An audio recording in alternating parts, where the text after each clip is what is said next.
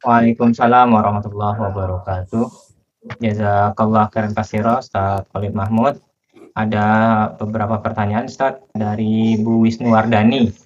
Izin bertanya Ustaz, tahapan apa saja bagi kami yang awam untuk bisa memahami Al-Quran sesuai pemahaman yang benar?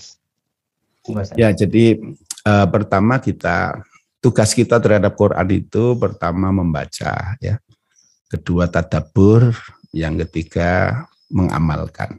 Nah, membaca insya Allah kita mudah-mudahan sudah menjadi bagian dari keseharian kita ya dan kita jangan berkecil hati dengan kapasitas kita membaca Quran mungkin ada yang sudah lancar mungkin ada yang masih terbata-bata ya Nah, tidak usah kita berkecil hati, lakukan saja apa yang kita bisa lakukan ya.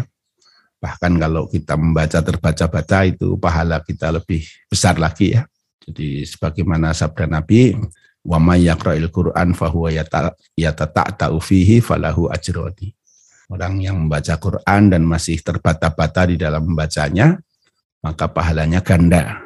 Nah, ini artinya kita didorong oleh Rasulullah untuk mendekat kepada Quran apa pun keadaan kita. Nah yang kedua kewajiban kita itu tadabur. Nah tadabur ini merenungkan makna. Nah merenungkan makna ini tentu kita mulai dari memahami bahasanya. Nah memahami bahasa ini yang paling ideal tentu saja kita belajar bahasa Arab sehingga kita mengerti hal-hal yang diungkapkan oleh Al-Quran itu. Nah, tetapi mungkin tidak semua kita punya kesempatan untuk belajar bahasa Arab. Nah, paling kurang kita sudah dibantu oleh terjemahan-terjemahan, ya, terjemahan-terjemahan. Nah, walaupun saya menyarankan eh, untuk menyimpulkan makna suatu ayat itu jangan hanya membaca terjemahan. Jadi kalau kita akan mengambil kesimpulan terhadap satu ayat, sebaiknya kita membaca tafsirnya atau kita membaca tulisan-tulisan para ulama yang terkait dengan topik itu. Misalnya tentang sholat, atau tentang puasa, atau tentang apa sajalah ya.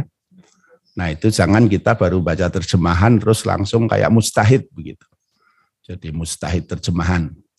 Nah sehingga nanti menyimpulkan hal-hal yang tidak tidak benar dari Al-Quran itu ya kalau kapasitas kita belum sampai kepada kemampuan menyimpulkan makna, maka ya ikutilah para ulama yang memberitahu kita tentang hal-hal yang terkait dengan makna-makna ayat itu. Jadi jangan jangan membebaskan pikiran kita sendiri untuk menafsirkan Al-Qur'an apalagi yang kita tafsirkan hanya persoalan hanya terjemahannya. Nah, tentu ini akan bisa membawa kepada kesalahan di dalam pemahaman. Jadi ya idealnya kita pelajari bahasa Arab sampai kemudian kita bisa memahami Quran.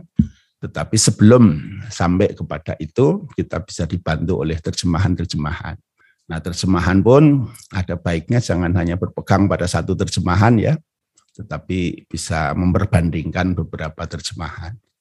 Bahkan mungkin memperbandingkan terjemahan dalam beberapa bahasa kalau bahasa Arab, eh, bahasa Indonesia kok di terjemahan depak begini, di terjemahan Syamil begini, di terjemahan apalagi begini, terjemahan bahasa Inggrisnya seperti ini. Nah, nanti kita akan bisa menangkap makna yang lebih dekat. Nah, lebih-lebih lagi dengan membaca tafsirnya. Itu akan lebih memberi kejelasan makna. Nah, setelah kita memiliki pemahaman tadabur yang baik, maka kewajiban kita yang ketiga adalah mengamalkan Al-Quran itu. Nah, mudah-mudahan itu membantu ya. Nah, tapi sekali lagi idealnya kita belajar bahasa Arab untuk memahami. Cuman kalau waktu, kesempatan, dan banyak hal kita belum memungkinkan ya bukan berarti tidak ada jalan untuk kita bisa memahami Al-Quran. Dan jangan lupa juga kalau kita punya pemahaman tertentu, misalnya dari membaca ya, ada sesuatu yang meragukan, tidak jelas, itu dikonsultasikan kepada orang yang menurut Bapak Ibu itu bisa menjelaskan. Jadi jangan menyimpulkan sendiri sesuatu yang kita ragu-ragu ya, karena bisa jadi penyimpulan kita itu bisa keliru kalau kalau kita hanya membaca membaca membaca gitu ya. Tapi dengan kita bertanya kepada seseorang yang kita percaya bisa eh, menjelaskan pemahaman kita ketika kita ragu-ragu maka itu akan menghindarkan diri kita dari kesalahan-kesalahan yang kita buat sendiri. Wallahu alam. Baik. Terima kasih Ustaz. Cukup Ustaz dah sampai satu menit lagi jam 7 mungkin ada Baik ya. Baik Bapak Ibu, saya kira untuk pagi ini kita cukupkan dulu. Insya Allah kita bertemu kembali untuk kajian tafsir pada hari Ahad pagi yang akan datang.